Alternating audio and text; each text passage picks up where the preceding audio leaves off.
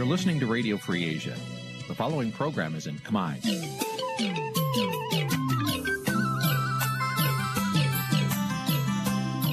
នេះជាកម្មវិធីផ្សាយ Vuthu Azizi Serai នេះជាកម្មវិធីផ្សាយរបស់ Vuthu Azizi Serai ជាភាសាខ្មែរ Vuthu Azizi Serai សូមស្វាគមន៍លោកអ្នកនាងទាំងអស់ពីរដ្ឋធានី Washington នៃសហរដ្ឋអាមេរិក។ ចាប់ផ្សាយផ្ទាល់ពីរដ្ឋធានី Washington នាងខ្ញុំខែសុណងសូមជម្រាបសួរលោកនាងកញ្ញាប្រិយមិត្តអ្នកស្ដាប់និងអ្នកទស្សនាការផ្សាយរបស់វិទ្យុអាស៊ីសេរីទាំងអស់ជាទីមេត្រីចា៎នាងខ្ញុំសូមជូនកម្មវិធីផ្សាយសម្រាប់យប់ថ្ងៃសៅរ៍10កើតខែផលគុណឆ្នាំឆ្លូវត្រីស័កពុរសករាជ2565ដែលត្រូវនៅថ្ងៃទី12ខែមិនិនាគ្រិស្តសករាជ2022ចា៎ជាដំបូងនេះសូមអញ្ជើញលោកនាងស្ដាប់ព័ត៌មានប្រចាំថ្ងៃដែលមានមេតិការដូចតទៅ thank you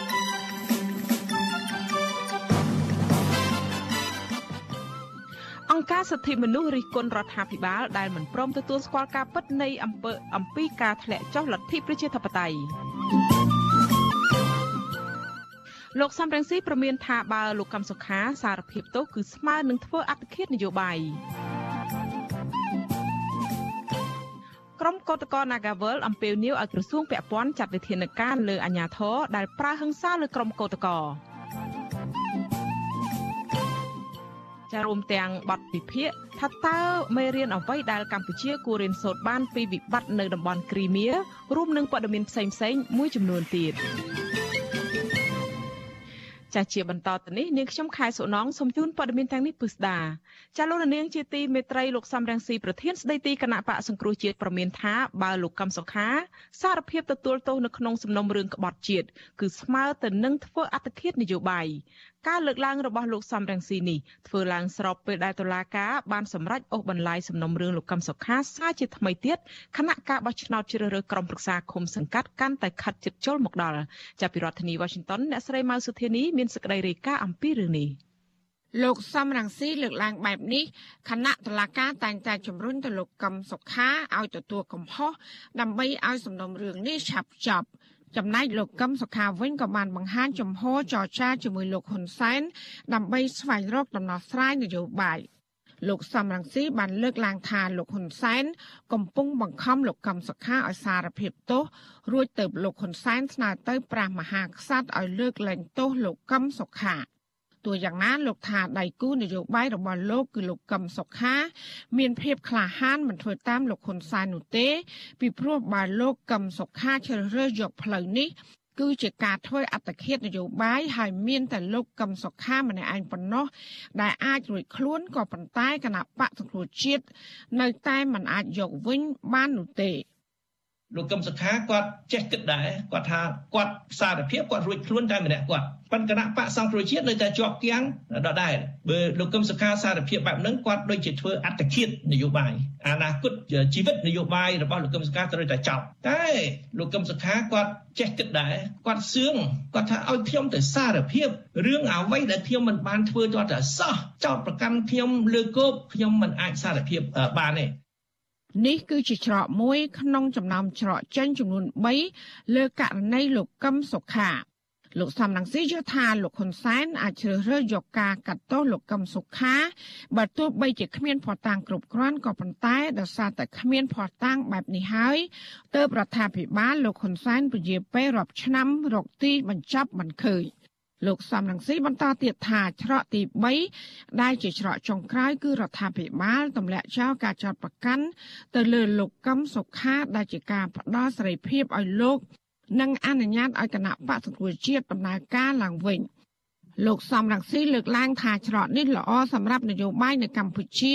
ហើយក៏បង្កើតទំនាក់ទំនងល្អឡើងវិញរវាងកម្ពុជា និងសហរដ្ឋអាមេរិក ពីព្រោះរដ្ឋាភិបាលបានចោទប្រកាន់លោកកឹមសុខាថាបានខុបខិត ជាមួយសហរដ្ឋអាមេរិកដើម្បីផ្ដួលរំលំរដ្ឋាភិបាលលោកហ៊ុនសែនលោកសំរងស៊ីក៏ជំរុញទៅលោកហ៊ុនសែនឲ្យជ្រើសយកច្រកចុងក្រោយដែលស្មើនឹងការធ្វើអំពើល្អចុងក្រោយ មុនចុះចេញពីតំណែងដើម្បីទុកកេរតំណែងល្អសម្រាប់កូនចៅរបស់លោកតកតងនឹងការលើកបែបនេះរបស់លោកសំរងស៊ី វត្ថុអាស៊ីស្រីមិនអាចសុំការអធិប្បាយណាមួយពីក្រុមមេធាវីរបស់លោកកឹមសុខាបានទេ នៅថ្ងៃទី12ខែមីនាទោះយ៉ាងណារាល់ពេលមានការទៀមទាលោកកឹមសុខាឲ្យសារភាពទោសពីតំណាងអាយកាក្រមមេធាវីលោកកឹមសុខារួមទាំងលោកកឹមសុខាផងតែងតែបដិសេធក្រមមេធាវីលោកកឹមសុខាក៏ធ្លាប់លើកឡើងដែលថាតឡាការគ្មានភ័ស្តុតាងគ្រប់គ្រាន់ក្នុងការចោទប្រកាន់លោកកឹមសុខានោះឡើយ មេធាវីលោកកឹមសុខាអ្នកស្រីមេងសុភារី មានប្រសាសន៍ថាការដែលតំណាងអាយកាព្យាយាមម្ដងហើយម្ដងទៀតឲ្យលោកកឹមសុខាសារភាពទោសនោះគឺជាការរំលោភនៅបទដ្ឋានគតិយុត្តរំលោភសិទ្ធិមនុស្សនិងរំលោភច្បាប់ជាតិនិងច្បាប់អន្តរជាតិវិទ្យុអសីស្រីមិនអាចសុំការឆ្លើយតបពីអ្នកនាំពាក្យរដ្ឋាភិបាលលោកផៃស៊ីផាន និងប្រធានលេខាធិការដ្ឋានសាលាដំបងរាជធានីភ្នំពេញលោកអ៊ីរ៉ានបានទេនៅថ្ងៃទី12ខែមីនារីឯអ្នកនាំពាក្យគណៈបកប្រជាជនកម្ពុជាលោកឈឹមផាវរុនមានប្រសាសន៍ថាលោកកឹមសុខាសារភាព ឬក៏មិនសារភាព គឺជាសិទ្ធិនិងជារឿងរបស់លោកកឹមសុខាលោកក៏បានបញ្ជាក់ថាសំណុំរឿងនេះគឺជាការអនុវត្តច្បាប់របស់រដ្ឋាភិបាលនិងតុលាការ បកស្រាយនិងបញ្ចេញទស្សនៈវាមិនមែនជារឿងការកាត់ក្តីវិនិច្ឆ័យថាខុសឬត្រូវអាហ្នឹងម្នាក់ម្នាក់មានសិទ្ធិយ៉ាងម៉េចតែហ្នឹងទៅយល់ឃើញយ៉ាងម៉េចយល់ទៅមិនដែលរឿងកិច្ចការទាំងអស់ហ្នឹងតឡាការហើយនិងរដ្ឋាភិបាលគេមានចំណាត់ការតាមការអនុវត្តច្បាប់អាហ្នឹងគឺជាកិច្ចការជាក់លាក់មួយផ្សេងទៀត រដ្ឋាភិបាលលោកហ៊ុនសែនបានចាប់ខ្លួនលោកកឹមសុខាកាលពីឆ្នាំ2017ដោយបានចោទប្រកាន់ថាសហរដ្ឋអាមេរិកគឺជាអ្នកនៅពីក្រោយខ្នងលោកកឹមសុខាក្នុងផែនការបដិវត្តពណ៌ទោះយ៉ាងណាសហរដ្ឋអាមេរិកចាត់ទុកថានេះគឺជាការប្រឌិតបន្ថែមពីនេះប្រទេសមហាអំណាចមួយនេះតែងតែបានដាក់ទណ្ឌកម្មជាបន្តបន្ទាប់លើរដ្ឋាភិបាលលោកហ៊ុនសែននិងមន្ត្រីជាន់ខ្ពស់របស់លោក។ អ្នកវិភាគនយោបាយដែលកំពុងភៀសខ្លួននៅប្រទេសហ្វាំងឡង់លោកកឹមសុខយល់ស្របទៅនឹងទស្សនៈរបស់លោកសំរងស៊ីថាបើលោកកឹមសុខាសារភាពទោសដើម្បីឆាប់ចាប់សំណុំរឿងនេះនោះជីវិតនយោបាយរបស់លោកកឹមសុខាក៏ឆាប់ចាប់ទៅតាមគ្នានេះដែរ។ លោកកឹមសុខសង្កេតឃើញថាពេលនេះរដ្ឋាភិបាលលោកហ៊ុនសែនកំពុងធ្វើដំណើរដល់គ្រោះថ្នាក់ក្នុងផែនការនយោបាយផ្ដួលអ្នកប្រជាធិបតេយ្យក្នុងការផ្ទេរអំណាចតវងត្រកូលលោកបន្តថាទោះពេលនេះរដ្ឋាភិបាលលោកហ៊ុនសែនអាចទប់ទល់នឹងការដាក់សម្ពាធពីក្រមប្រទេសប្រជាធិបតេយ្យក្តីក៏ប៉ុន្តែសម្ពាធទាំងនេះនឹងបន្តធ្លាក់លើកូនប្រុសរបស់លោកដែលនឹងឡើងកាន់តំណែងបន្តពីឪពុក។ សហគមន៍អន្តរជាតិមើលឃើញតាមកាន់តែច្បាស់អំពីអ្វីនយោបាយសម្រាប់ប្រជាធិបតេយ្យដើម្បីតែអំណាចរបស់ក្រុមគ្រួសារហ៊ុនហើយមែនទែនទៅវាចាំតែចរន្តផ្ទុះចេញទេលោកហ៊ុនម៉ាណែតពិបាកនឹងទប់ខ្លាំងណាស់ដូច្នេះកម្ដៅខ្លាំងទាំងនេះខ្ញុំយល់ថាវានៅចាំតែពេលផ្ទុះទេឆាប់ឬក៏យឺតវាស្ថិតនៅលើស្មារតីនៃការចេះធ្វើកិច្ចការរួមគ្នារបស់សកម្មជនអ្នកនយោបាយនិងប្រជាពលរដ្ឋជារួម នៅរយៈពេលចុងក្រោយនេះគណៈការបោះឆ្នោតជ្រើសរើសក្រុមប្រឹក្សាឃុំសង្កាត់កាន់តែខិតជិតមកដល់នេះលោកកឹមសុខាក៏បានប្រកាសត្រៀមខ្លួនចរចាជាមួយលោកហ៊ុនសែនដើម្បីបញ្ចប់សំណុំរឿងលោក និងដើម្បីដោះស្រាយបញ្ហាជាតិដែលកំពុងកើតឡើងព្រោះវិបត្តិនយោបាយទោះយ៉ាងណារដ្ឋាភិបាលឬបកកណ្ដាលអំណាចមិនទាន់ឆ្លើយយល់ព្រមចរចាជាមួយលោកកឹមសុខានៅឡើយទេ ចំណែកឯតឡាការក្រុងភ្នំពេញក្រុងនឹងជំនុំជម្រះក្តីលោកកឹមសុខានៅថ្ងៃទី16ខែមីនាខាងមុខចាននាងខ្ញុំម៉ៃសុធានីវិទ្យុអាស៊ីស្រីប្រធានាធិបតី Washington ចាលោករនាងកញ្ញាជាទីមេត្រីចាលោករនាងកំពុងស្ដាប់នឹងទស្សនាការផ្សាយរបស់វិទ្យុអាស៊ីសេរីផ្សាយចេញពីរដ្ឋធានី Washington នៃសហរដ្ឋអាមេរិក។ ការឈ្លានពានទៅលើប្រទេសអ៊ុយក្រែនពីសំណាក់ប្រទេសរុស្ស៊ីកើតមានឡើងជាញឹកញយគឺតាំងតែពីប្រទេសអ៊ុយក្រែនផ្ដាច់ខ្លួនពីអតីតសហភាពសូវៀតនៅឆ្នាំ1991ម្លេះ ពេលខ្លះប្រទេសរុស្ស៊ីដណ្ដើមកាន់កាប់បានទាំងស្រុងនៅទឹកដីមួយផ្នែកនៃប្រទេសអ៊ុយក្រែនផង កាលពីថ្ងៃទី18ខែមិនិនាឆ្នាំ2014ប្រទេសរុស្ស៊ីបានលេបត្របាក់យកឧបទ្វីបគ្រីមៀដែលជាទឹកដីស្វយ័តមួយរបស់ប្រទេសអ៊ុយក្រែនទៅដាក់បញ្ចូលជាដែនដីរណបរបស់ខ្លួន ប្រការនេះធ្វើឲ្យមានការរំជើបរំជួលពេញពិភពលោក។ តើមេរៀនអ្វីខ្លះដែលកម្ពុជាគួររៀនសូត្របានពីការបាត់បង់ទឹកដីគ្រីមៀរបស់ប្រទេសអ៊ុយក្រែននេះចាលោករនាងនឹងបានស្ដាប់បទវិភាគមួយអំពីបញ្ហានេះនៅក្នុងការផ្សាយរបស់យើងនៅពេលបន្តិចទៀតនេះចា៎ thank you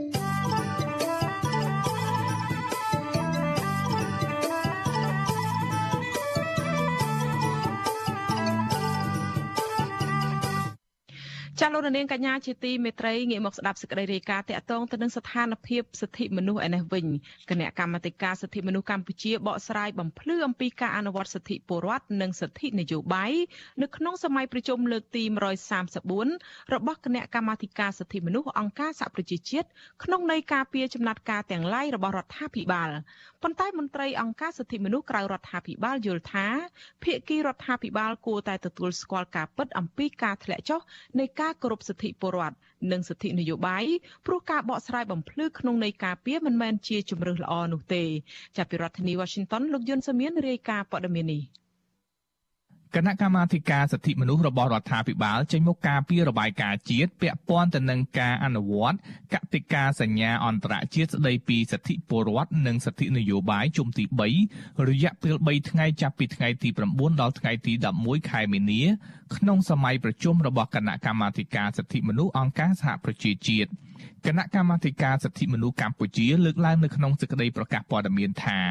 នៅក្នុងកិច្ចសន្ទនារយៈពេល3ថ្ងៃនោះសមាជិកសមាជិកានៃគណៈកម្មាធិការសិទ្ធិមនុស្សអង្គការសហប្រជាជាតិបានចោទសួរជាច្រើនពាក់ព័ន្ធទៅនឹងវិស័យមួយចំនួននៅកម្ពុជាបញ្ហាទាំងនោះដូចជាក្របខ័ណ្ឌច្បាប់ជាតិការបង្កើតស្ថាប័នសិទ្ធិមនុស្សជាតិ ការប្រឆាំងអំពើពុករលួយ ច្បាប់គ្រប់គ្រងប្រទេសក្នុងគ្រាអាសន្នច្បាប់ COVID-19 វិធានការច្បាប់ក្នុងស្ថានភាព COVID បញ្ហានីតិរដ្ឋភាពការមិនរើសអើងអំពើហិង្សាប្រឆាំងនារីភេទការសម្លាប់មនុស្សនៅក្រៅប្រព័ន្ធតុលាការអំពើទរណកម្មការដកហូតសេរីភាពសមាគមនិងការប្រជុំលំហប្រជាធិបតេយ្យ និងអង្គការសង្គមស៊ីវិលសិទ្ធិបោះឆ្នោត និងការចូលរួមកិច្ចការនយោបាយប្រព័ន្ធយុតិធធអនិតិជន បញ្ហាយុតិធធសង្គមបញ្ហាដីធ្លី និងសិទ្ធិជនជាតិដើមភាគតិចជាដើម ស្ថាប័នសិទ្ធិមនុស្សរបស់រដ្ឋាភិបាលមិនបានបញ្ជាក់លម្អិតអំពីចំណុចទាំងនោះទេគណៈសមាជិកគណៈកម្មាធិការសិទ្ធិមនុស្សអង្គការសហប្រជាជាតិបានចោទសួរភាគីកម្ពុជាលើចំណុច3សំខាន់ចំណុចទី1គឺពាក់ព័ន្ធទៅនឹងការជាប់ពាក់ព័ន្ធដោយផ្ទាល់របស់រដ្ឋាភិបាលកម្ពុជា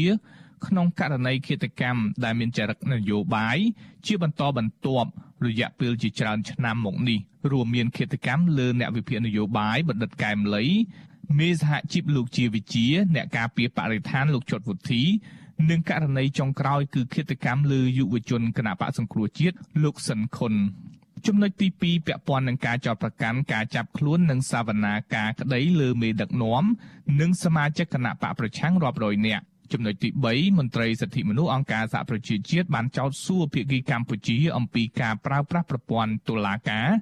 ដោយមិនត្រឹមត្រូវពីសំណាក់រដ្ឋាភិបាលដើម្បីដាក់ទោសលើការអនុវត្តសិទ្ធិសេរីភាពបញ្ចេញមតិនិងការបិទស្ថាប័នព័ត៌មានឯករាជ្យជាដើមទោះបីជាយ៉ាងណាគណៈកម្មាធិការសិទ្ធិមនុស្សកម្ពុជាអះអាងថាមន្ត្រីកម្ពុជាបានសហការគ្នាយ៉ាងល្អ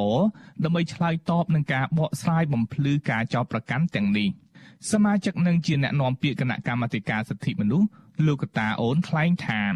ការការពាររបាយការណ៍របស់កម្ពុជាស្ដីពីសិទ្ធិពលរដ្ឋនិងសិទ្ធិនយោបាយនេះធ្វើឲ្យប្រទេសមួយចំនួនឬសហគមន៍អន្តរជាតិឈប់ភ័ន្តច្រឡំថាការអនុវត្តច្បាប់កន្លងមក គឺជាការរំលោភសិទ្ធិមនុស្សតទៅទៀត។ យើងឃើញមានបណ្ដាប្រទេសជាច្រើនដែលចូលរួមសកម្មភាពការហ្នឹងគេក៏បានផ្ដល់ជាអនុសាសន៍ផ្ដល់ការវិតម្លៃអញ្ចឹងចំនួនធំគឺគេមុននឹងបានអនុសាសន៍គេវិតម្លៃជារួមសិនមិនគេបានអនុសាសន៍ខាងក្រោយប៉ុន្តែមានប្រទេសមួយចំនួនតូចក៏គាត់នៅតែទាមទារឲ្យកម្ពុជាដោយតបាយការដែលគាត់ទទួលបានថាយើងមានបញ្ហាចេះបញ្ហាចុះគាត់នៅតែទាមទារឲ្យមានការកែលម្អជុំវិញបញ្ហានេះមន្ត្រីអង្គការសិទ្ធិមនុស្សក្រៅរដ្ឋាភិបាលលើកឡើងថា វាជាទម្លាប់ទៅហើយដែលមន្ត្រីរដ្ឋាភិបាលឬគណៈកម្មាធិការសិទ្ធិមនុស្សកម្ពុជាព្យាយាមការពារទង្វើរបស់រដ្ឋាភិបាល ពាក់ព័ន្ធទៅនឹងការចោទប្រកាន់រឿងរំលោភសិទ្ធិមនុស្សនោះអ្នកនាំពាក្យសមាគមការពារសិទ្ធិមនុស្សអាត6លោកសង្សានករណាលើកឡើងថាទោះបីជាតំណាងរដ្ឋាភិបាលព្យាយាមបង្ហាញរបាយការណ៍ឬបកស្រាយបំភ្លឺបែបណាក្តីក៏ប្រហែលជាមិនអាចធ្វើឲ្យគណៈកម្មាធិការសិទ្ធិមនុស្សអង្គការសហប្រជាជាតិជឿជាក់បានដែរ លោកបន្តថាគណៈកម្មាធិការសិទ្ធិមនុស្សអង្គការសហប្រជាជាតិមានអ្នកជំនាញដើម្បីពិនិត្យផ្ទៀងផ្ទាត់រកការពិតនិងថែមទាំងមានមន្ត្រីជំនាញនិងអ្នករាយការណ៍ពិសេសទទួលបន្ទុកសិទ្ធិមនុស្សនៅកម្ពុជាទៀតផងដូច្នេះពួកគេមិនចេះតែជឿលើរបាយការណ៍របស់រដ្ឋាភិបាលឡើយ។ មន្ត្រីសិទ្ធិមនុស្សរូបនេះយល់ថារដ្ឋាភិបាលគួរតែទទួលស្គាល់ការពិតហើយបញ្ឈប់ការយាយីនិងរដ្ឋបិទសិទ្ធិសេរីភាពពលរដ្ឋនិងសិទ្ធិនយោបាយគណៈការបោះឆ្នោតឃុំសង្កាត់កាន់តែខិតជិតមកដល់។ ជាការពិតរឿងនេះគួរតែកែប្រែយូរហើយពីព្រោះគេមានការផ្ដល់អនុសាសន៍ពីបណ្ដាប្រទេសលោកសេរីជាពិសេសសហភាពអឺរ៉ុបហ្នឹងក៏គេតែងតែលើកឡើងដែរថាកម្ពុជានឹងត្រូវធ្វើការគោរពនៅសិទ្ធិសេរីភាពជាមូលដ្ឋានសិទ្ធិពលរដ្ឋនយោបាយអីហ្នឹងហើយដែលជារឿងចាំបាច់នៅក្នុងការបើកនៅលំហជាធិបតេយ្យនៅប្រទេសកម្ពុជាឲ្យល្អប្រសើរឡើងវិញហ្នឹងហើយចំណុចទាំងអស់នេះវាសិតតែគេធ្លាប់បានលើកឡើងជារឿយៗហើយហើយកម្ពុជានឹងតែងតែច្រានចោល កាលពីថ្ងៃទី7ខែមីនាឧត្តមស្នងការសិទ្ធិមនុស្សអង្គការសហប្រជាជាតិអ្នកស្រី Michelle Bachelet បានលើកឡើងនៅក្នុងសេចក្តីថ្លែងការណ៍ក្នុងសម័យប្រជុំលើកទី49ថាអ្នកស្រីមានកង្វល់អំពីវិធានការរដ្ឋបិទរបស់អាជ្ញាធរកម្ពុជា ក្រោមហេតុផលជំងឺ Covid-19 ដែលបន្តធ្វើឲ្យលំហលទ្ធិប្រជាធិបតេយ្យនិងសិទ្ធិពលរដ្ឋកាន់តែធ្លាក់ចុះករណីដែលកំពុងកើតឡើងនោះគឺការប្រើលេសទប់ស្កាត់ជំងឺ Covid-19 ដើម្បីបង្ក្រាបលើកោតកម្មស្របច្បាប់របស់បុគ្គលិក Nagawal អ្នកស្រី Michelle Bachelet បានផ្ញើសារដាស់តឿនរដ្ឋាភិបាលកម្ពុជាទៀតថាការការពារសេរីភាពជាមូលដ្ឋានមានសារៈសំខាន់ណាស់គណៈកម្ពុជាកំពុងឈានទៅរៀបចំការបោះឆ្នោតឃុំសង្កាត់ដែលគណៈបកប្រឆាំងធំជាងគេពុំត្រូវបានគេអនុញ្ញាតឲ្យចូលរួមប្រគួតប្រជែងហើយថ្នាក់ដឹកនាំនិងអ្នកគ្រប់គ្រងរបស់ពួកគេ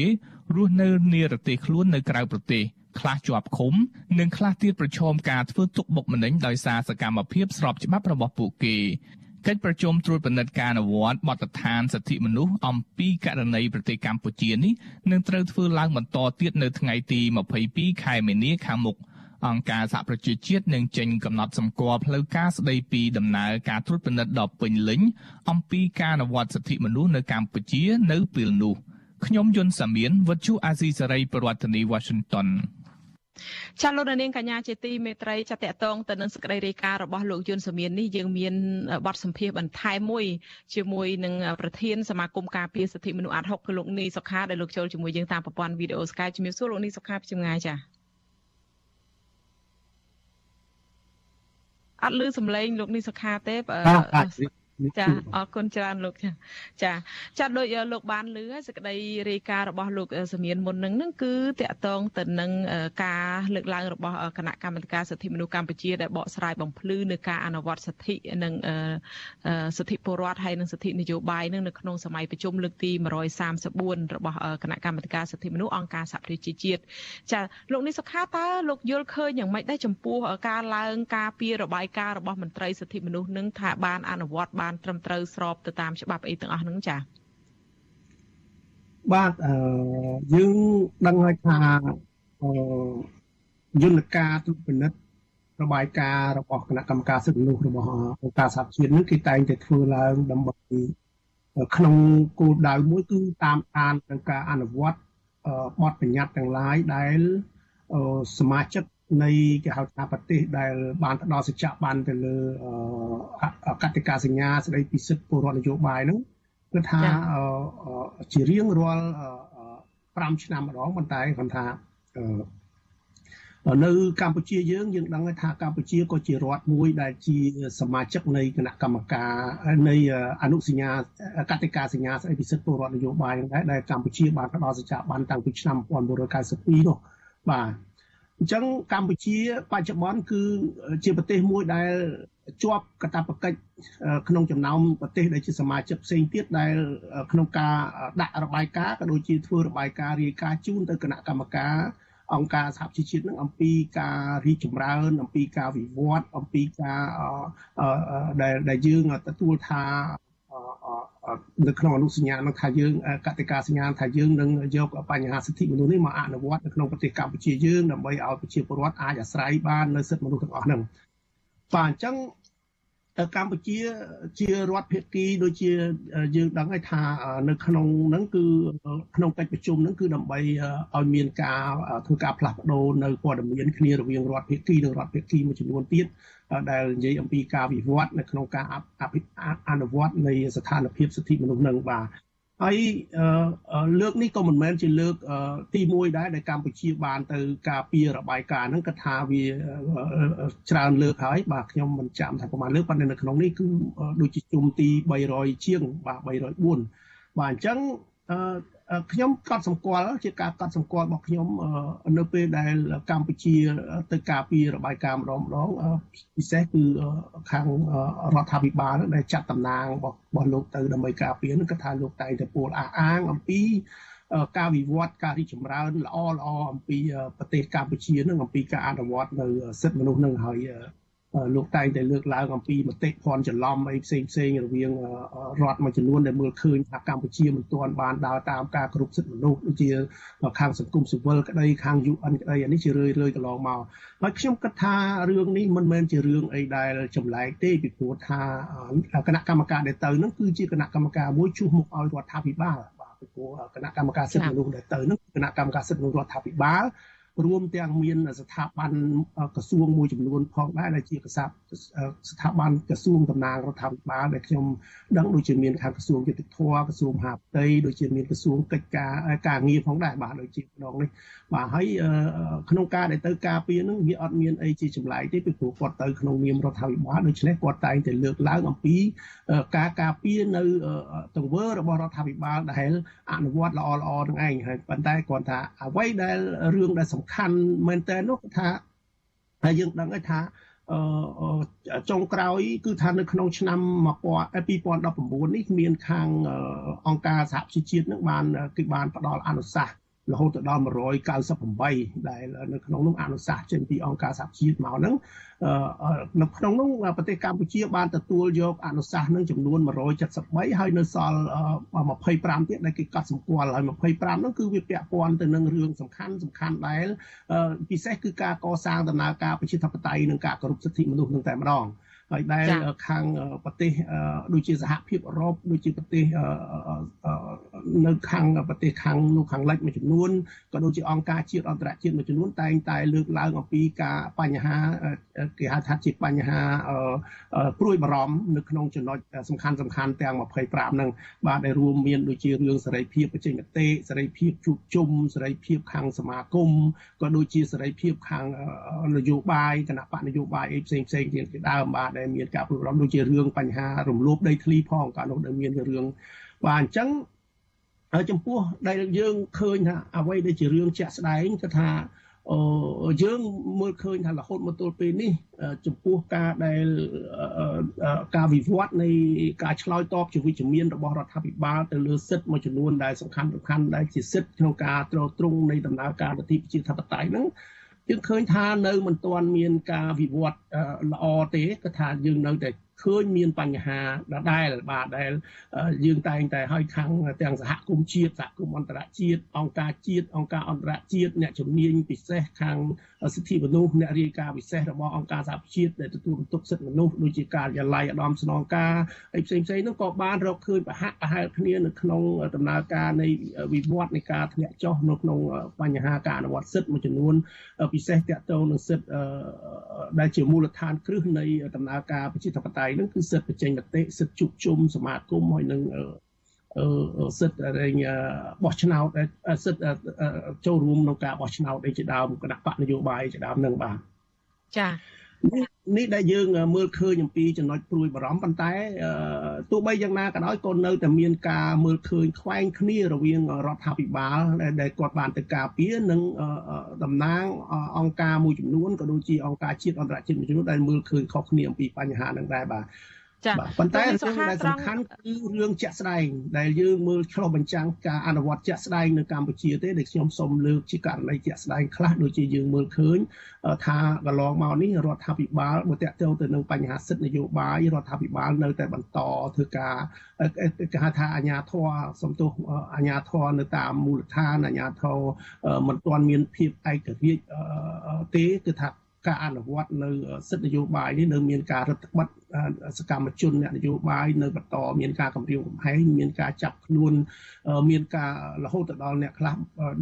ដែលបានភៀសខ្លួនទៅដល់ប្រទេសថៃហើយនោះក៏មានការចាប់បញ្ជូនមកវិញហើយយើងឃើញថាក្នុងករណីដែលអង្គើឃាតកម្មដែលមានការកើតឡើងពីមុនមុនមកយើងមិនទាន់បានរកឃើញឲ្យបានច្បាស់លាស់ផងហើយយើងឃើញថាថ្មីថ្មីនោះក៏មានឃាតកម្មទៅលើអតីតសកម្មជនរបស់គណៈបកនយោបាយគណៈបកប្រឆាំងនឹងបន្តទៅទៀតហើយនឹងមានការវាយបង្ករបួសស្នាមនៅតាមដងផ្លូវអីហោហាយជាដើមទៅលើសកម្មជនសង្គមសកម្មជននយោបាយអីអញ្ចឹងណានេះសិតតែជារឿងមួយដែលយើងមើលឃើញថាស្ថានភាពសិទ្ធិមនុស្សនឹងនៅមិនទាន់មានការវិវត្តអីល្អរីកចម្រើនអីល្អទេតើតើនឹងសិទ្ធិប្រមាណដែលខ្ញុំបានលើកនឹងបាទ ចាអរគុណច្រើនលោកនីសភាដែលរៀបរាប់ក្បោះក្បាយអំពីការយល់ឃើញរបស់លោកជុំវិញការឡើងការពីរបស់ខាងមន្ត្រីរដ្ឋាភិបាលហើយយ៉ាងណាក៏ដោយនៅក្នុងកិច្ចប្រជុំនោះក៏មានការចោទសួរស្តៀងនឹងចំណុចខ្លះរបស់លោកកម្មសុខាលោកនីសុខាបានលើកឡើងនឹងដែរគឺតាក់ទងនឹងរឿងសមាជិកគណៈកម្មការសិទ្ធិមនុស្សអង្គការសហជីវជាតិនឹងគេក៏ចោទសួរមាន3ចំណុចសំខាន់ហ្នឹងគឺទី1តាក់ទងនឹងរឿងថារដ្ឋាភិបាលនឹងមានជាប់ពាក់ព័ន្ធទៅនឹងករណីឃាតកម្មដែលមានចរិតនយោបាយនឹងដែលមានជាច្រើនឆ្នាំមកហើយនឹងរួមមានឃាតកម្មលើលោកបណ្ឌិតកែមលីលោកជាវិជាហើយនឹងយុវជនស៊ិនខុនដែលជាសកម្មជនគ្រប់គ្រងគណៈបកសង្គ្រោះជាតិអីទៀតផងហើយចំណុចទី2នោះគឺតកតងទៅនឹងរឿងការចាប់ខ្លួននិងសវនាការលើមេដឹកនាំនិងមន្ត្រីគណៈបកប្រឆាំងដ៏ច្រើនរាប់រយនាក់អីចឹងទៅហើយចំណុចទី3នឹងគឺដោយអ្វីដែលលោកបានលើកឡើងនឹងគឺការប្រើប្រាស់ប្រព័ន្ធតឡាការដោយមិនត្រឹមត្រូវពីសំណាក់រដ្ឋាភិបាលនឹងដោយដាក់ទោសទៅលើការអនុវត្តសិទ្ធិសេរីភាពការជួបជុំសម្ដែងមតិអីអីផ្សេងផ្សេងហើយនឹងការបិទស្ថាប័នព័ត៌មានឯករាជ្យអីជាដើមតើបើសិនជាការឡើងការពីរបស់ខាងរដ្ឋាភិបាលដូចនេះអឺ ហាក់ស្ដាប់មើលទៅដូចជាបានអនុវត្តបានត្រឹមត្រូវរួចអស់ទៅហើយហើយពីខាងសង្គមស៊ីវិលរបស់លោកក្នុងស្រុកនោះហើយនឹងពីខាងអង្គការសហប្រជាជាតិនឹងគេមើលឃើញផ្សេង ការមើលឃើញខុសគ្នាមើលមិនមិនដូចគ្នាចឹងតើវានឹងនាំឲ្យមានបញ្ហាយ៉ាងម៉េចទៅវិញទៅ ចំពោះស្ថានភាពបែបនេះបើមានការប្រែប្រួលយ៉ាងម៉េចទៅបើបើអ្នកអនុវត្តគាត់មើលឃើញផ្សេងអ្នកសង្កេតការមើលឃើញផ្សេងអញ្ចឹងចា៎ បាទអឺយើងយល់ថាដឹងថាការខិតខំប្រឹងក្នុងការបកស្រាយអឺដោយខ្វះការពិតដោយខ្លះខ្វះការគេហៅថាបង្ហាញនៅការពិតជាក់ស្ដែងនោះគឺថាមិនមែនជាដំណោះស្រាយដែលល្អទេបើយើងនិយាយមែនតើណាពីព្រោះថាកាលណាយើងខំបកស្រាយការពៀនៅក្នុងន័យមួយដែលខ្វះការពិត មានន័យថាការពិតវានៅតែការពិតដដែលដូច្នេះវាអត់បានធ្វើការកែប្រែវាអត់បានធ្វើការផ្លាស់ប្ដូរពីព្រោះលោកយល់ថាអ្វីអ្វីលោកធ្វើនឹងល្អហើយប៉ុន្តែខ្ញុំមើលមួយទៀតខ្ញុំគិតថាអ្វីដែលទោះបីថាខាងរដ្ឋាភិបាលតំណាងរដ្ឋាភិបាលលោកខំបកស្រាយយ៉ាងម៉េចក៏ដោយ ក៏ប៉ុន្តែយើងដឹងថានៅក្នុងនឹងគឺមានអ្នកជំនាញការច្រើនណាស់អ្នកជំនាញការអន្តរជាតិច្រើនណាស់ហើយបានគេបានដឹងអំពីស្ថានភាពកម្ពុជានឹងក៏គេបានដឹងដែរពីព្រោះថាយើងដឹងថាស្ថានភាពគេហៅថានៅលើពិភពលោកបច្ចុប្បន្ននេះគឺថាចំពោះបញ្ហាព័ត៌មានគឺពិបាកលាក់បន្តិចពីព្រោះដោយសារតែប្រព័ន្ធព័ត៌មានយើងក៏វាមានលក្ខណៈទូលំទូលាយគ្រាន់បើដែរដូច្នេះការបកស្រាយណាដែលមិនឆ្លោះបញ្ចាំងពីការពិតមិនមែនថាគេមិនដឹងទេបាទដូច្នេះខ្ញុំគិតថាការខិតខំក្នុងការបកស្រាយដើម្បីគេហៅថាឲ្យឲ្យឲ្យឲ្យមានការមួយដែលមិនបានឆ្លោះបញ្ចាំងពីការពិតអានឹងវាមិនបានកែលម្អស្ថានភាពប្រទេសយើងទេហើយតើកាលណានៅតែយើងមិនអាចកែលម្អស្ថានភាពប្រទេសយើងបានដើម្បីឆ្លើយតបជាវិជ្ជមានទៅនឹងអ្វីដែលជាការលើកឡើងឬការស្នើឡើងអានេះគឺថាផលវិបាក កម្ពុជាមាននឹងមានបញ្ហាមកលើប្រទេសយើងទៅវិញទេតកតទៅនឹងផលវិបាកហ្នឹងវាអត់អត់មែនទៅលើប្រទេសអ្នកដែលគេឃើញគេលើកឡើងហ្នឹងមិនមែនតាក់មិនមែនធ្លាក់ទៅលើគេហៅថាផលវិបាកហ្នឹងមិនមែនធ្លាក់ទៅលើអ្នកដែលលើកឡើងហ្នឹងទេគឺផលវិបាកវាធ្លាក់មកលើប្រទេសយើងដែលយើងអត់ខិតខំក្នុងការកែលម្អហ្នឹងដូចជាយើងដឹងហើយថាកន្លងទៅអ្វីដែលវាប៉ះពាល់គឺដូចជាពន្ធអនុគ្រោះដែលខាង EU គេបានកាត់ មួយចំនួនទៅហើយហើយខាង GSP របស់សហរដ្ឋអាមេរិកហើយនឹងមានរឿងផ្សេងផ្សេងមួយចំនួនទៀតខ្ញុំមិនបាច់រាយរាប់ទេគាត់ថាគ្នាយើងអ្នកស្ដាប់យើងមានការដឹងហើយពីព្រោះរឿងនឹងដដែលដដែលច្រើនហើយណាបាទដូច្នេះវាផលប៉ះពាល់នឹងធ្លាក់មកលើកម្ពុជាយើងហើយយើងខ្ញុំគិតថារដ្ឋាភិបាលលោកគួរតែមានគេហៅថាបើសិនជាមានភាពក្លាហានក្នុងការទទួលស្គាល់នៅការពិត ជាល្អជាជាងយើងខិតខំលាក់បាំងនៅការពិតណាពីព្រោះអានឹងវាវាអត់ល្អទៅថ្ងៃអនាគតហើយយើងមើលឃើញដដែលដដែលរឿងហ្នឹងហើយហើយយើងឃើញគេគេដឹងច្បាស់ណាស់ចំពោះបញ្ហាដូចជាការចាប់ តំណាងគណៈបកសកម្មជនគណៈបកនយោបាយដាក់ពន្ធនាគារការចាប់រិសកម្មជន សង្គមដាក់ពន្ធនាគារការអីទាំងអស់នេះគេមើលឃើញថាវាមិនមែនជារឿងនៃការអនុវត្តច្បាប់ទេប៉ះសិនបើរឿងនេះវាជារឿងការអនុវត្តច្បាប់ការអនុវត្តនីតិរដ្ឋមែននោះ គឺគឺប្រទេសណាក៏គេអនុវត្តដែរច្បាប់តកណាអ្នកណាធ្វើខុសបានប្រព្រឹត្តនៅបទល្មើសអីហើយគឺថាត្រូវតែត្រូវតែមានការដាក់ទោសទណ្ឌនេះជាការសាទរទៅវិញទេបើសិនជាអ្នកនោះបានប្រព្រឹត្តខុសប៉ុន្តែ កន្លងទៅយើងឃើញថាការធ្វើនឹងគឺជារឿងមួយដែលជាការរំលោភទៅលើសេរីភាពរបស់គេក្នុងការដែលគេចូលរួមចំណែកសកម្មក្នុងនយោបាយចូលរួមចំណែកសកម្មក្នុងការបញ្ចេញមតិការជួបជុំអីជាដើមហ្នឹងគឺថានៅក្នុងប្រទេសយើងគឺជាប្រទេសដែលមានច្បាប់រដ្ឋធម្មនុញ្ញនៅក្នុងការការពារទៅទៀតហើយយើងអត់បានយកអានឹងមកអនុវត្តហើយយើងប្រើប្រាស់យន្តការតុលាការហើយយើងដឹងថា អ្នកណាក៏បានដឹងដែរថាយន្តការតឡាការយើងនៅកម្ពុជាបច្ចុប្បន្ននេះគឺមិនទាន់មានភាពឯករាជ្យត្រឹមត្រូវទេដូច្នេះហើយ អាហ្នឹងដែលគេមើលឃើញថាអំពីការប្រើប្រាស់យន្តការតឡាការហ្នឹងគឺជាការយកយន្តការហ្នឹងទៅរំលោភទៅលើគោលការណ៍សិទ្ធិមនុស្សហ្នឹងបាទដែលយើងមើលឃើញហើយខាងរដ្ឋាភិបាលតែងតែពោលថានេះជារឿងតឡាការនេះជារឿងតឡាការប៉ុន្តែយើងដឹងថាតឡាការហ្នឹងគឺជាតឡាការដែលมันមានភាពយុត្តិធម៌มันមានគេហៅថាมันមានភាពមួយឯករាជ្យពីរដ្ឋាភិបាលណាពិសេសគឺពីគណៈបកកណ្ដាលអំណាចហ្នឹងតែម្ដងហើយយើងមើលឃើញថា ក្រមអ្នកដែលប្រឆាំងជាមួយនឹងគណៈបកកណ្ដាលអំណាចតែងតែគេគេហៅថាมันมันរួចពីសំណាញ់ច្បាប់ចង់និយាយថាអឺហាក់បីដូចជាមើលទៅឃើញថាតឡាការអនុវត្តច្បាប់នឹងបានតឹងរឹងទៅលើក្រមអ្នកដែលមាននិន្នាការមិនស្របជាមួយនឹងរដ្ឋាភិបាលនឹងអញ្ចឹងហើយ ហើយរឿងថ្មីថ្មីទៀតសោតយើងឃើញថានៅតាមបណ្ដាមូលដ្ឋានដូចជាតកតទៅនសិទ្ធនយោបាយអីហ្នឹងគឺជាការគម្រាមកំហែងសកម្មជនអ្នកនយោបាយនៅក្នុងគណៈបកមួយចំនួនឥឡូវហ្នឹងគ្រាន់តែសូម្បីតែគណៈបកមួយដែលបង្កើតឡើងក្រោយហ្នឹងដែលដែលទៅផលិតចេញក្រោយហ្នឹងហើយដែលមានសក្តានុពលមើលទៅរៀងខ្លាំងតិចយើងឃើញថាមានការធ្វើបាបធ្វើទុកបុកម្នេញអីនេះនៅតាមមូលដ្ឋានដូចជាគ្រាន់តែលើកស្លាកលើកអីហ្នឹងក៏មានការលំបាកខ្លាំងដែរហើយ សូម្បីតែយើងឃើញមានការគម្រាមមានការជាជីឥឡូវនេះថ្មីថ្មីឃើញមានការចាប់ដាក់ពន្ធនាគារចាប់ដាក់អីទៅទៀតបាននៅក្នុងរឿងហ្នឹងហើយយើងនេះយើង ហើយរឿងដីធ្លីមួយចំនួនក៏ដូចគ្នាដែរគាត់ថាថ្មីត្បិតរដ្ឋាភិបាលបានដោះស្រាយខ្លះក៏ពិតមែនក៏ប៉ុន្តែមានរឿងមួយចំនួនធំទៀតហ្នឹងគាត់ថាករណីធំធំមួយចំនួនហ្នឹងគឺមិនទាន់មានការដោះស្រាយអីបានយុត្តិធម៌ដល់ប្រជាពលរដ្ឋទេហើយនៅពេលដែលប្រជាពលរដ្ឋប្រមូលគ្នាតវ៉ាឡើងមកតវ៉ាគឺថារដ្ឋាភិបាលនឹងលោកបានប្រើប្រាស់នៃច្បាប់ ពិសេសគឺថ្មីថ្មីនោះគឺការប្រើប្រាស់ច្បាប់កូវីដទៅលើអ្នកដែលជួបជុំគ្នាដូចជាអ្នកជួបជុំមឿងដីធ្លីអ្នកជួបជុំមឿងពិសេសមួយទៀតគឺនៅក្នុងបុគ្គលិកកម្មកររៀង Nagawal នេះឯងតែម្ដងបាទដែលយើងឃើញថ្មីថ្មីបាទដូច្នេះអានេះវាវាបង្ហាញអំពីការដែលយើងមិនទាន់បានស្ដារនៅការអនុវត្តសិទ្ធិហ្នឹងគេហៅថាឲ្យប្រជាពលរដ្ឋខ្លួនហ្នឹងបានអាស្រ័យនៅសិទ្ធិ ពិសេសគឺសិទ្ធិពលរដ្ឋនយោបាយដែលយើងហៅថាជាកតិកាសញ្ញាស្ដីពីសិទ្ធិពលរដ្ឋនយោបាយដែលរដ្ឋាភិបាលលោកកំពុងតែទៅការពារហ្នឹងដែលយើងឃើញថាវាមានចំណុចខ្ញុំសូមកាត់ប្រសាសន៍លោកបន្តិចឲ្យលោកបានរៀបរាប់ច្រើនអំពីស្ថានភាពទាំងអស់ហ្នឹងដែលរដ្ឋាភិបាលគួរមានការកែលម្អហើយចំណុចដែលជាបញ្ហាដែលយើងមើលឃើញទាំងអស់គ្នានៅក្នុងពេលបច្ចុប្បន្នលោកនេះសុខាអាចសង្ខេបខ្លីតែ3ចំណុចបានទេថាតើសង្គមស៊ីវិលមើលឃើញថាចំណុចអ្វីដែលជាចម្បងក្នុងពេលបច្ចុប្បន្នហ្នឹងដែលរដ្ឋាភិបាលមិនគួរតែឡើងឆ្លើយការពារទៅគួរតែមានការដោះស្រាយបន្ទាន់អាចលើកត្រឹម3ចំណុចអីដោយសារពេលវេលាជាងខ្លីលោកចា៎បាទបាទអរគុណរឿងបន្ទាន់គឺរឿងរៀបចំដំណើរការបោះឆ្នោតទៅនៅពេលឆាប់ឆាប់ខាងមុខនេះគឺថាជារឿងបន្ទាន់ហើយធ្វើម៉េចដើម្បីរដ្ឋាភិបាលត្រូវតែបើកនៅលំហសេរីភាព បើកនៅលំហបរិយាកាសឲ្យគណៈបកនយោបាយគ្រប់និន្នាការនយោបាយទាំងអស់ហ្នឹងបានមកចូលរួមប្រគួតប្រជែងដោយស្មើភាពគ្នាណាដោយគ្មានការភ័យខ្លាចដោយសេរីដោយគ្មាន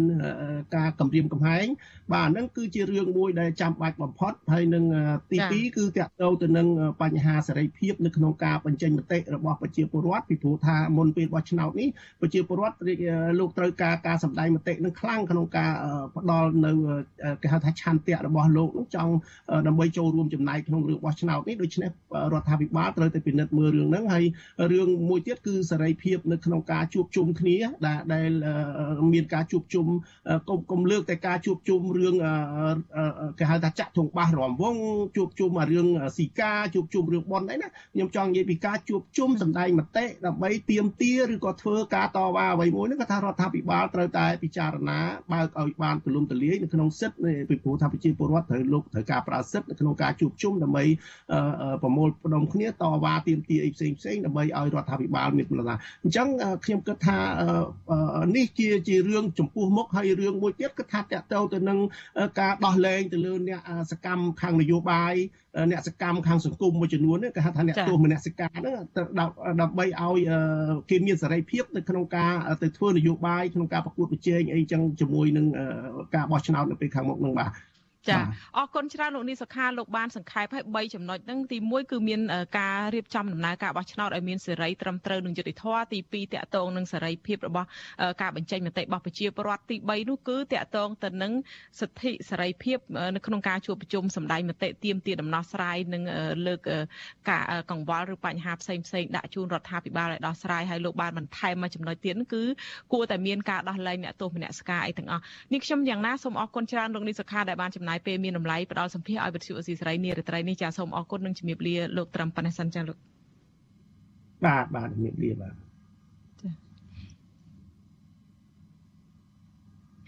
ចាលោកនាងកញ្ញាជាទីមេត្រីចាលោកនាងដែលកំពុងស្ដាប់នឹងទស្សនាការផ្សាយរបស់វិទ្យុអេស៊ីស្រីទាំងអស់ជាទីមេត្រីចាដំណើរគ្នានៅក្នុងពេលដែលលោកនាងទស្សនាការផ្សាយរបស់យើងតាមបណ្ដាញសង្គម Facebook និង YouTube នេះចាលោកនាងក៏អាចស្ដាប់ការផ្សាយផ្ទាល់តាមវិទ្យុរលកធាតុអាកាសខ្លីឬ Shortwave តាមកម្រិតនិងកម្ពស់ដូចតទៅនេះពេលព្រឹកពីម៉ោង5កន្លះដល់ម៉ោង6កន្លះតាមរយៈរលកធាតុអាកាសខ្លី9390 kHz ស្មើនឹងកម្ពស់ 32m និង11850 kHz ស្មើនឹងកម្ពស់ 25m ចានៅពេលយប់ពីម៉ោង7កន្លះដល់ម៉ោង8កន្លះតាមរយៈរលកធាតុអាកាសខ្លី15155 kHz ស្មើនឹងកម្ពស់ 20m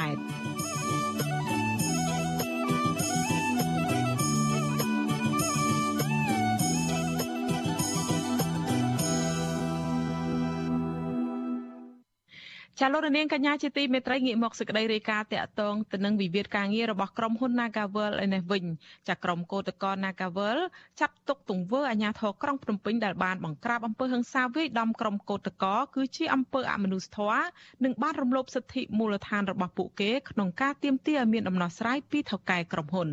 ពួកគេអំពាវនាវឲ្យក្រសួងពាក់ព័ន្ធចាត់វិធានការលើក្រុមអាញាធរដែលអនុវត្តទូនីតិគ្មានវិជ្ជាជីវៈចាលោកជាតិចំណានមានសេចក្តីរាយការណ៍អំពីរឿងនេះ ក្រុមគឧតកោបុគ្គលិកណាជាវលថាការធ្វើបាបដោយប្រើអំពើហិង្សាគ្រប់ទម្រង់របស់អាជ្ញាធរកន្លងមកគឺមានចេតនាគៀបសង្កត់ក្រុមគឧតកោមិនឲ្យងើបតវ៉ារកដំណោះស្រាយ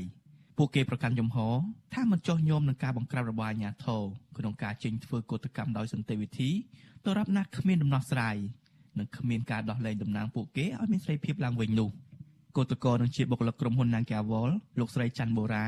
ប្រាប់វិសុអេស៊ីសរ៉ៃនៅថ្ងៃទី12ខែមីនាថា ក្រុមគឧតកោនៅតែមានជំហររឹងមាំទោះបីជាអាជ្ញាធរប្រឹងប្រែងរារាំងប្រើអំពើហិង្សាយ៉ាងណាក្តីក៏ក្រុមគឧតកោនៅតែបន្តតស៊ូធ្វើកោតកម្មដោយសន្តិវិធីនិងទាមទារឲ្យតុលាការដោះលែងតំណាងពួកគេឲ្យមានសេរីភាពឡើងវិញលោកស្រីបន្តថាក្រោយពីអាជ្ញាធរដោះលែងគឧតកោទាំងអស់ពីមណ្ឌលចតាលេសាគឺមានក្រុមគឧតកោភេកច្រើនដែលជាស្ត្រីមានសុខភាពទ្រុឌទ្រោមនិងមានស្នាមរបួសជាប់លើដងខ្លួននិងបំពង់កដោយសារតែក្រុមកម្លាំងអាជ្ញាធរបង្ក្រាបដោយប្រើអំពើហិង្សា ចាប់ទាញរុនច្រានក្រុមកោតក្រទាំងកំរោលនិងបង្ខំឲ្យធ្វើចតាល័យស័កលោកស្រីចាត់ទុកការបង្ក្រាបរបស់អាជ្ញាធរបែបនេះថាជារូបភាពអាក្រក់មួយក្នុងសង្គមដែលអាជ្ញាធរប្រឹងប្រែងកាងអំណាចឲ្យក្រុមហ៊ុនបនលបែងកាស៊ីណូ Nagawal ក្នុងការរារាំងមិនឲ្យក្រុមកោតក្រទាមទាររកដំណោះស្រាយពីតកែក្រុមហ៊ុនលោកស្រីទាមទារអាជ្ញាធរ បញ្ឈប់ការធ្វើទុកបុកម្នេញលើក្រុមគឧតកោតទៅទៀតពួកយើងមិនទាន់ទាំងបាននិយាយអីធ្វើអីផងគឺគាត់ចាប់រុញចូលឡានព្រោះស្នាមម្នាក់ម្នាក់ជាប់ដៃជាប់ជើងកម្មភាពអស់នេះគឺពួកគាត់ជាអ្នកធ្វើឡើងពួកបងនៅតែប្រកាន់គោលចំហគឺអហិង្សាអឺអ្វីទាំងអស់គឺក្រុមអាជ្ញាធរគាត់ជាអ្នកធ្វើឡើងហើយបើសិនជាគ្រប់ក្រសួងពាក់ព័ន្ធដែលគាត់ជួយដឹងជួយលើគឺពួកបងគឺមានតែស្នើសុំឲ្យជួយរកដំណោះស្រាយហើយឲ្យជួយក្រុមកោតក្រដែលជាស្រីស្រីហ្នឹងតំណាងពួកយើងដែលគាត់ជាតំណាងក្នុងការចរចាវិវាទហ្នឹងគឺពួកគាត់បានចាប់ទៅអស់ហើយអញ្ចឹងហើយយើងអត់មានតំណាងអីទៀតទេកាលពីថ្ងៃទី11ខែមីនាកម្លាំងអាជ្ញាធររាប់រយនាក់បានចាប់ខ្លួនក្រុមកោតក្រ Nagawal ជាង100នាក់ញាត់ចូលក្នុងរថយន្តក្រុងទាំងកំរោលដឹកទៅធ្វើចតាលិស័កក្នុងខណ្ឌព្រៃភ្នៅម្ដងទៀតនៅពេលដែលពួកគេធ្វើកោតកម្មទាមទាររកដំណោះស្រាយការងារពីក្រុមហ៊ុនកាស៊ីណូ Nagawal ក្រុមកោតក្រអះអាងថាការបង្ក្រាបរបស់អាជ្ញាធរបានធ្វើឲ្យកោតក្រភៀសច្រើនជាស្ត្រីរងរបួសជាំពេញរាងកាយ និងបានបង្ខាំងក្រុមកោតក្រមិនឲ្យចុះចេញពីរថយន្តភ្លាមភ្លាមឡើយនៅពេលទៅដល់កន្លែងចតាលិស័កអ្នកជំនាញសិទ្ធិមនុស្សជាតិនិងអន្តរជាតិមើលឃើញថានេះជាការរំលោភទាំងស្រុងទៅលើសិទ្ធិប្រមូលផ្ដុំដោយសន្តិវិធីរបស់ក្រុមកោតក្រក្រមសហជីពក៏បានរិះគន់ចំណាត់ការដដែលដដែលដោយយកវិធានការសុខាភិបាលមកបង្ក្រាបក្រុមកោតក្រនេះថាជាលេសដើម្បីធ្វើទរណកម្មក្រុមកោតក្រមិនឲ្យទៀមទារកដំណោះស្រាយតែប៉ុណ្ណោះ វិសុយអសិរ័យមិនអាចតកតងแนะនាំពាក្យស្នងការដ្ឋាននគរបាលរាជធានីភ្នំពេញលោកសានសុកសីហានិងแนะនាំពាក្យក្រសួងការងារលោកហេងសួរដើម្បីសូមបំភ្លឺបញ្ហានេះបានទេនៅថ្ងៃទី12ខែមីនាប៉ុន្តែអ្នកនាំពាក្យគណៈកម្មាធិការសិទ្ធិមនុស្សរបស់រដ្ឋាភិបាលលោកកតាអូនប្រាប់វិសុយអសិរ័យថាប្រសិនបើក្រុមគឧតកោមានផោះតាងគ្រប់គ្រាន់នៅការរងអំពើហិង្សាពីអាជ្ញាធរលោកជំរុញឲ្យក្រុមគឧតកោដាក់ពាក្យប្តឹងទៅកាន់ស្ថាប័នតុលាការលោកបន្តថាវិវាទការងារនេះអូសបន្លាយពេល ដោយសារតែក្រុមគឧតកោមិនព្រមចាត់តាំងតំណាងថ្មីដើម្បីចូលរួមសម្របសម្រួលជាមួយក្រសួងការងារប៉ុន្តែក្រុមគឧតកោប្រកាន់ជំហរថាលុះត្រាតែមានការដោះលែងតំណាងពួកគេឲ្យមានសេរីភាពឡើងវិញទើបពួកគេយកព្រមចូលតុចរចាទាមទារលក្ខខណ្ឌទាំង9ចំណុចលោកកតាអនបន្ថែមថាការបង្ក្រាបក្រុមកោតកោជាងសាធារណជនផ្សេងទៀតនោះគឺជាការអនុវត្តវិធានការសុខាភិបាលមិនមែនជាទម្រង់គៀបសង្កត់រដ្ឋបិទសេរីភាពឡើយទាក់ទងនឹងបញ្ហានេះ អ្នកនាំពាក្យសមាគមសិទ្ធិមនុស្សអាត់ហុកលោកសឹងសានករណាមានប្រសាសន៍ថាចំណាត់ការបង្ក្រាបរបស់អាជ្ញាធរមកលើក្រុមកោតកោដដែលនេះនៅតែជាទម្រង់ធ្វើបាបរំលោភសិទ្ធិដល់ក្រុមកោតកោលោកសង្កត់ធ្ងន់ថាអាជ្ញាធរយកវិធានការសុខាភិបាលមកបង្ក្រាបក្រុមកោតកោគ្រាន់តែជាលេសដើម្បីគេចវេះក្នុងការរកដំណោះស្រាយពិតប្រាកដតែប៉ុណ្ណោះ។ គឧតកោលោកទៀមទាតវ៉ាគឺចង់បានឲ្យមានការដោះលែងណាអ្នកតំណាងរបស់ពួកគាត់ដែលកំពុងជាប់ឃុំណា11រូបហ្នឹងហើយរួមដំណោះស្រាយ9ចំណុចប៉ុន្តែស្រាយទាំងអស់នេះហាក់ដូចជាអត់មានគិតគូររកដំណោះស្រាយទេប៉ុន្តែអាជ្ញាធរហាក់ដូចទៅជាមានការចាប់ខ្លួនជាបន្តបន្ទាប់ហើយដោយយកហេតុផលថាកូវីដក្នុងការទប់ស្កាត់កូវីដនេះហាក់ដូចជាធ្វើឡើងផ្ដោតទៅលើតែក្រមគឧតកោ Nagawal ខណៈដែលពិធីផ្សេងផ្សេងការជួបជុំផ្សេងផ្សេងហ្នឹងគឺអត់បានមានការរដ្ឋបិទរារាំងមកដល់ពេលនេះមានតំណាងសហជីពនិងកម្មករ Nagawal ចំនួន11នាក់កំពុងជាប់ឃុំក្នុងពន្ធនាគារក្រោមបទចោទញុះញង់បង្កឲ្យមានភាពវឹកវរធ្ងន់ធ្ងរដល់សន្តិសុខសង្គមនិងល្មើសវិធានសុខាភិបាលដោយសារតែពួកគេធ្វើកោតកម្មដោយសន្តិវិធីទាមទាររកដំណោះស្រាយរឿងក្រុមហ៊ុន Casino Nagawal បញ្ឈប់បុគ្គលិក365នាក់ពីការងារនិងរើសអើងសហជីពក្នុងកន្លែងធ្វើការក្រុមអ្នកជំនាញផ្នែកសិទ្ធិមនុស្សរបស់អង្គការសហប្រជាជាតិ អង្គការសង្គមស៊ីវិលនិងក្រមសហជីពរិះគន់ថាអាជ្ញាធរក្រុងភ្នំពេញកំពុងអនុវត្តវិធានការសុខាភិបាលដែលមានស្តង់ដារ2ដែលបង្ហាញថាអាជ្ញាធរប្រឹងប្រែងរារាំងសកម្មភាពស្របច្បាប់របស់គឧតកោម្យ៉ាងវិញទៀតទង្វើបង្ក្រាបរបស់អាជ្ញាធរម្ដងហើយម្ដងទៀតនេះត្រូវបានក្រុមអ្នកការពារសិទ្ធិមនុស្សចាត់ទុកថាជាការអនុវត្តផ្ទុយពីច្បាប់សិទ្ធិមនុស្សអន្តរជាតិពួកគេអំពាវនាវឲ្យអាជ្ញាធរបញ្ឈប់ការធ្វើទុកបុកម្នេញក្រុមគឧតកោនិងស្នើឲ្យក្រសួងការងារជួយរកយុត្តិធម៌ដល់ក្រុមគឧតកោ និងជំរុញឲ្យភាគីក្រុមហ៊ុន Nagawal ចេញមុខដោះស្រាយបញ្ហាវិវាទការងារនេះព្រមទាំងដោះលែងតំណាងសហជីពទាំង11នាក់ឲ្យមានសេរីភាពឡើងវិញដោយគ្មានលក្ខខណ្ឌខ្ញុំបាទជាចំណាន Visual Assisray ពីរដ្ឋធានី Washington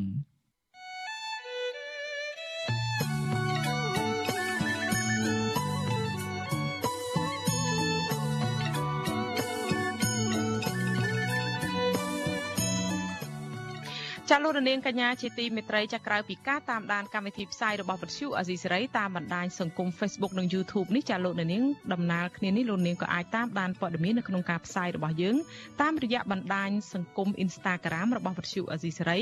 តាមតំណ link ចាតាមដំណភ្ជាប់ www.instagram.com/rfa ខ្មែរចាប់វិទ្យុអសីស្រីបន្តខិតខំផ្សព្វផ្សាយព័ត៌មានពិតទៅកាន់បងប្អូនតាមរយៈបណ្ដាញសង្គមផ្សេងផ្សេងនិងសម្បូរបែបដើម្បីឲ្យលោកអ្នកនាងអាចងាយស្រួលតាមដានការផ្សាយរបស់វិទ្យុអសីសេរីគ្រប់ពេលវេលានិងគ្រប់ទីកន្លែងតាមរយៈទូរស័ព្ទដៃរបស់លោកអ្នកនាងចាសសូមអរគុណ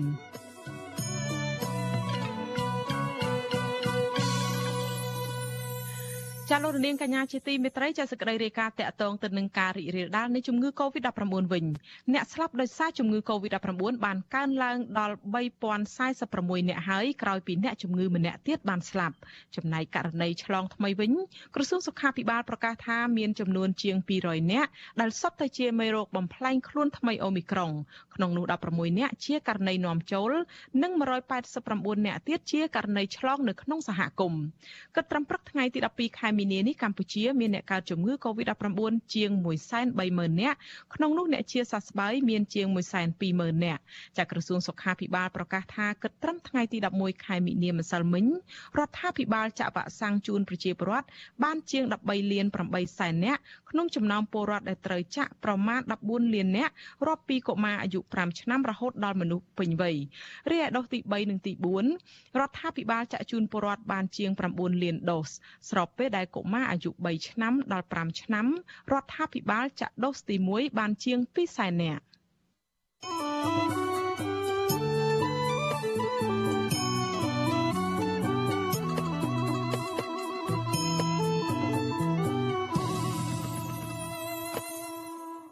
ចាលោករនាងកញ្ញាជាទីមេត្រីលោករនាងកំពុងស្ដាប់នឹងទស្សនាការផ្សាយរបស់វិទ្យុអាស៊ីសេរីផ្សាយចេញពីរដ្ឋធានី Washington នៃសហរដ្ឋអាមេរិកចាសេចក្តីរាយការណ៍តាក់ទងនឹងជំងឺគ្រុនផ្ដាសាយបាក់សីឯនេះវិញ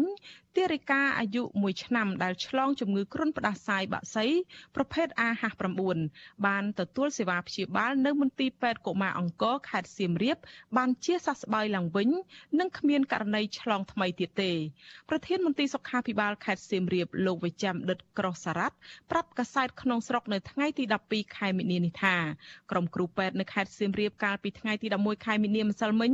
បានចុះទៅពិនិត្យក្រុមគ្រួសារដែលឆ្លងជំងឺគ្រុនផ្ដាសាយបាក់សីនេះនឹងបានយកសំណាក់មនុស្សចំនួន13នាក់ចាប់ទៅពិនិត្យព្រមទាំងបាញ់ថ្នាំសម្រាប់មេរោគចំនួន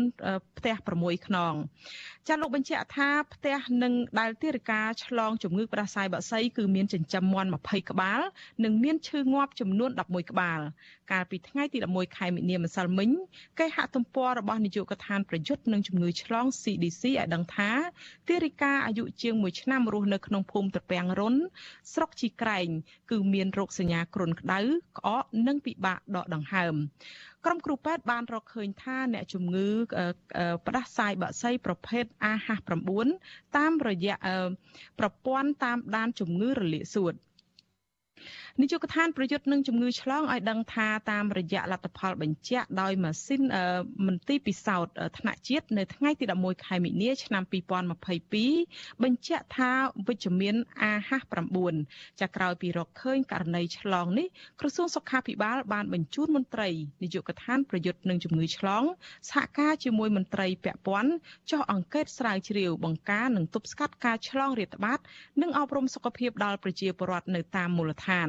ក្រសួងថាប្រសិនបើមានការសង្ស័យពីជំងឺផ្ដាសាយបាក់សីសូមផ្ដល់ព័ត៌មានដល់ពេទ្យសត្វឬអាចតាក់ទងព័ត៌មានបន្ថែមទៅលេខបន្ទាន់គឺលេខ115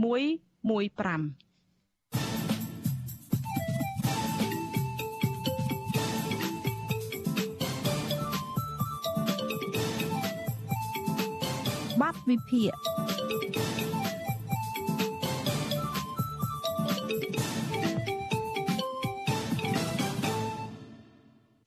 ចាលោករនាងកញ្ញាជាទីមេត្រីចាលោករនាងកំពុងស្ដាប់ការផ្សាយពីរដ្ឋធានី Washington នៃសហរដ្ឋអាមេរិកចាការឈ្លានពានទៅលើប្រទេសអ៊ុយក្រែនពីសំណាក់ប្រទេសរុស្ស៊ីបានកើនឡើងជាញឹកញយគឺតាំងតែប្រទេសអ៊ុយក្រែនផ្ដាច់ខ្លួនពីអតីតសហភាពសូវៀតនៅឆ្នាំ1991ម្លេះ ពេលខ្លះប្រទេសរុស្ស៊ីដណ្ដើមកាន់កាប់បានទាំងស្រុងនៅទឹកដីមួយផ្នែកនៃប្រទេសអ៊ុយក្រែនផង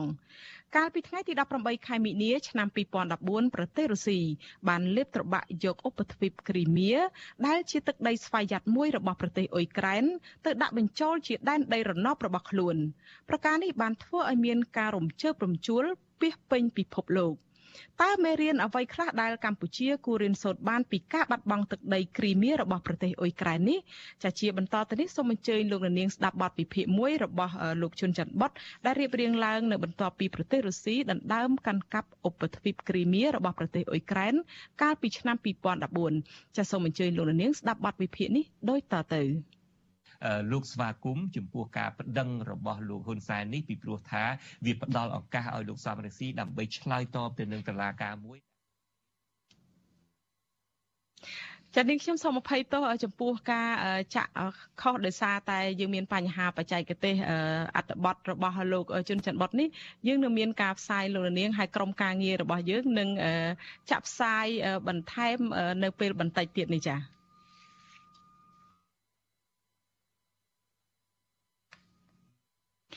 ចាលោកនាងជាទីមេត្រីចាសតវត្សទី21នេះទៅហើយ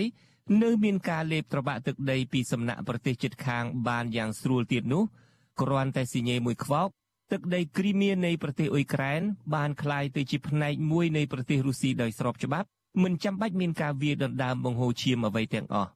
ប្រធានាធិបតីនៃសហព័ន្ធរុស្ស៊ីលោក Vladimir Putin កាលពីថ្ងៃទី21ខែមីនាកន្លងទៅនេះបានចុះហត្ថលេខាផ្ដល់សច្ចាប័នចុងក្រោយ ក្នុងការកែប្រែច្បាប់រដ្ឋធម្មនុញ្ញនៃប្រទេសរុស្ស៊ីដើម្បីដាក់បញ្ចូលទឹកដីគ្រីមៀជាផ្នែកមួយរបស់ខ្លួនដំណើរការបញ្ចូលទឹកដីគ្រីមៀនេះឲ្យទៅជាទឹកដីរណបរបស់ប្រទេសរុស្ស៊ីតាំងពីដើមដល់ចប់ត្រូវគេធ្វើសម្រេចបានតែរយៈពេលមួយដ៏ខ្លីដោយរលូននិងអនុវត្តតាមវិធីមួយដែលជាទីពេញនិយមបំផុតរបស់ក្រុមអ្នកកាន់អំណាចផ្ដាច់ការនោះគឺអ្វីដែលគេហៅថានីតិវិធី 5ថ្ងៃមុនការចុះហត្ថលេខាជាចុងក្រោយនៅឯវិមានក្រំឡាំងនៃក្រុងមូស្គូនៅឯតំបន់គ្រីមៀឯណោះគេមានរៀបចំធ្វើការបោះឆ្នោតប្រជាមតិមួយក្នុងចំណោមប្រជាពលរដ្ឋគ្រីមៀទាំងអស់ថាតើគេចង់ឲ្យដាក់បញ្ចូលទឹកដីគ្រីមៀនេះទៅជាទឹកដីរណបរបស់ប្រទេសរុស្ស៊ីឬទេការបោះឆ្នោតប្រជាមតិកាលពីថ្ងៃទី16មីនាកន្លងទៅនេះមានលក្ខណៈបើកចំហល្អណាស់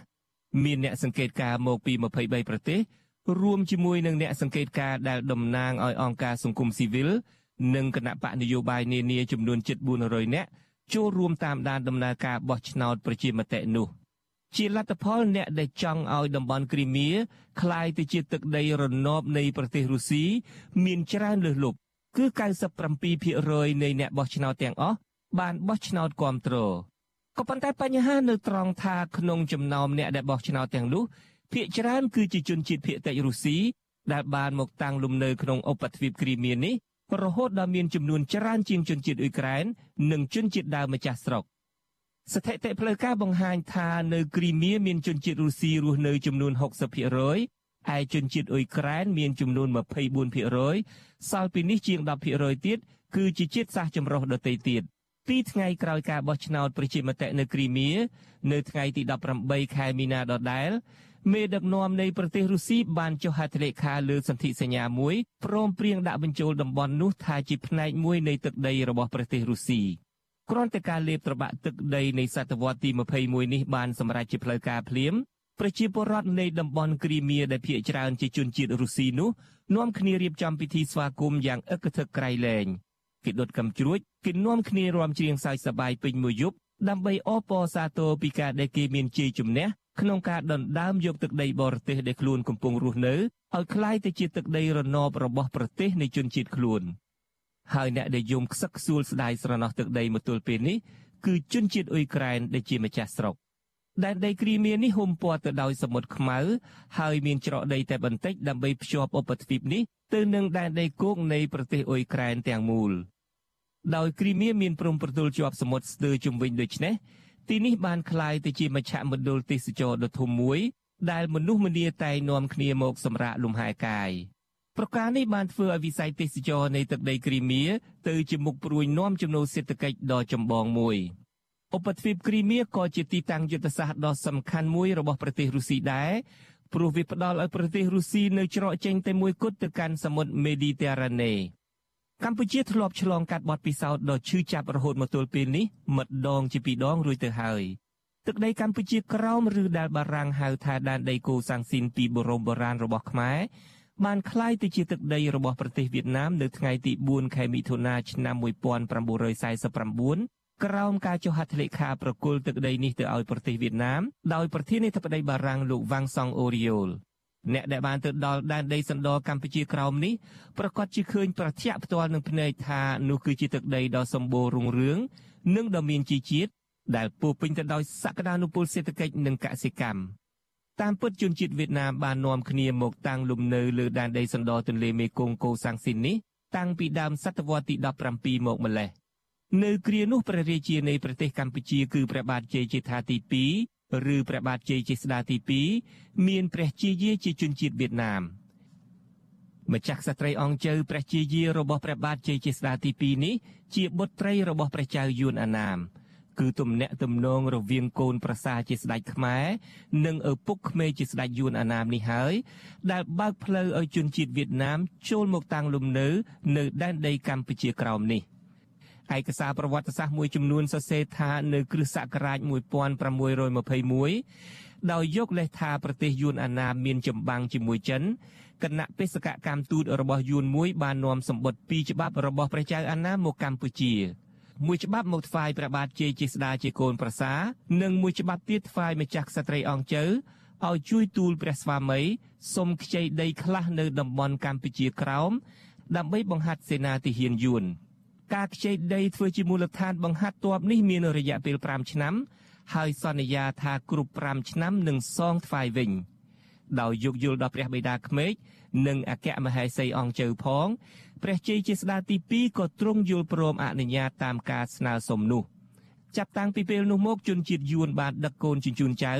បបួលគ្នាមកនៅក្នុងទឹកដីកម្ពុជាក្រោមកាន់តែច្រើនឡើងច្រើនឡើង ម្យ៉ាងទៀតដែលយកលេសថាដើម្បីជួយអាជ្ញាធរខ្មែរក្នុងទីនោះរក្សាសន្តិសុខឲ្យមានប្រសិទ្ធភាពព្រះចៅយួនក្រុងវេក៏បញ្ជូនមេទ័ពរបស់គេម្នាក់ឲ្យមកឈរកាន់កាប់នៅតំបន់នោះទៀតផង។ប្រកាសណាស់ថាក្នុងការប្រគល់ទឹកដីកម្ពុជាក្រោមទៅឲ្យវៀតណាមប្រទេសបារាំងនិងរដ្ឋការយួនអាណាមអាចផ្ដល់ផលប្រយោជន៍ច្រើនណាស់ឲ្យគ្នាទៅវិញទៅមក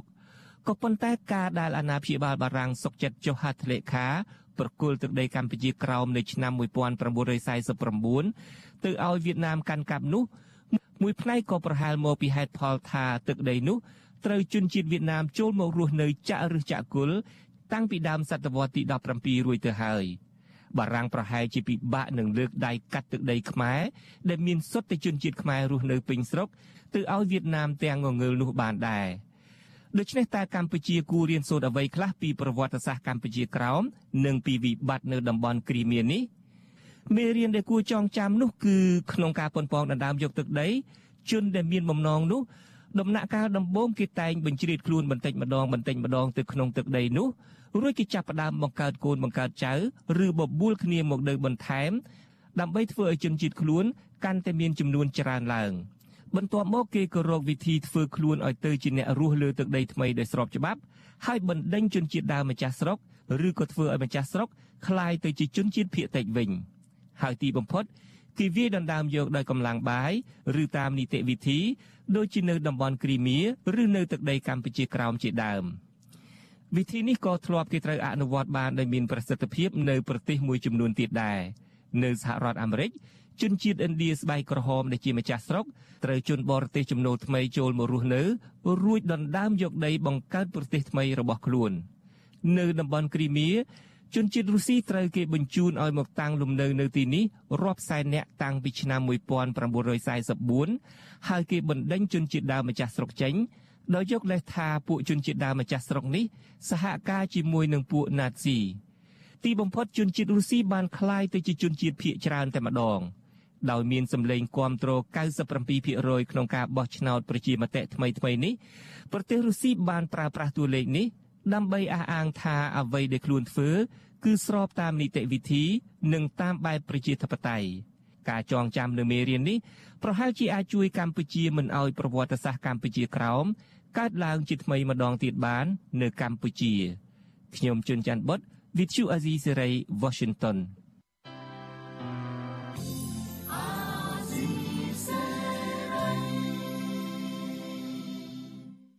ចាលោកនាងកញ្ញាជាទីមេត្រីចាការផ្សាយរយៈពេល1ម៉ោងមកនេះបានឈានមកដល់ទីបញ្ចប់ហើយចានាងខ្ញុំសូមជូនពរដល់លោកនាងកញ្ញាទាំងអស់ឲ្យជួបប្រកបតែនឹងសេចក្តីសុខចម្រើនរុងរឿងកុំបីឃ្លៀងឃ្លាតឡើយចាសម្រាប់ពេលនេះនាងខ្ញុំខែសុណងព្រមទាំងក្រុមការងារទាំងអស់វិទ្យុអាស៊ីសេរី